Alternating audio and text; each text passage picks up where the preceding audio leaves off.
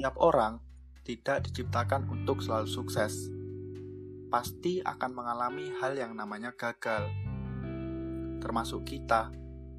Kita pasti pernah mengalami suatu kegagalan. Iya kan? Entah itu saat kita masih anak-anak, remaja, ataupun dewasa, pasti pernah mengalami suatu kegagalan.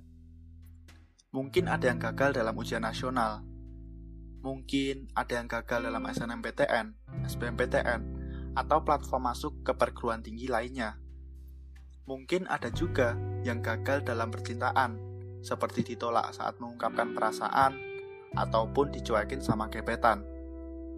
Lalu, karena kegagalan tersebut, mungkin ada beberapa dari kita yang merasa putus asa, merasa apa yang telah kita usahakan itu sia-sia merasa semuanya sudah berakhir, atau mungkin ada yang sampai berniat untuk bunuh diri.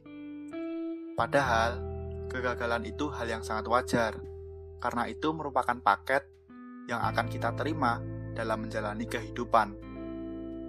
Selain itu, banyak pula tokoh besar yang mengalami kegagalan sebelum akhirnya mereka menuai kesuksesan.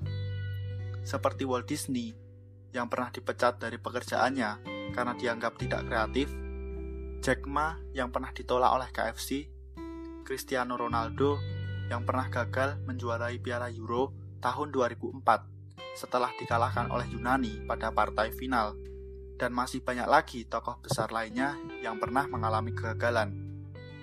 Tetapi, walaupun mereka pernah mengalami kegagalan, mengapa akhirnya mereka menuai kesuksesan? Ya, itu karena mereka optimis. Maksudnya, mereka selalu memiliki harapan yang baik ketika mengalami kegagalan. Jadi, jika kalian saat ini sedang gagal, tolong jangan sampai kehilangan harapan, karena harapan tersebut dapat menjadi motivasi untuk terus bergerak maju dan menjadikan kegagalan sebagai pelajaran. Teruslah berharap dan teruslah bergerak maju. Kelak, Tuhan akan memberikan kesuksesan yang jauh lebih baik dari apa yang kita impikan.